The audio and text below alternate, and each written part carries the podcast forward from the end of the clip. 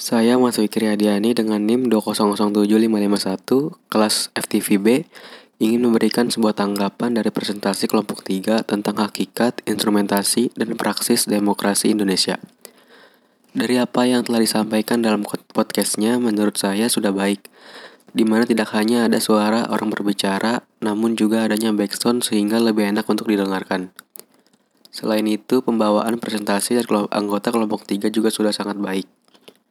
Dari segi materinya sendiri tentang demokrasi di Indonesia sudah lengkap, di mana dalam presentasi yang ada terdapat berbagai informasi seperti pengertian dari demokrasi, pentingnya sebuah demokrasi, adanya tradisi politik demokrasi, serta masih banyak lagi, sehingga saya dapat memahami tentang demokrasi itu sendiri.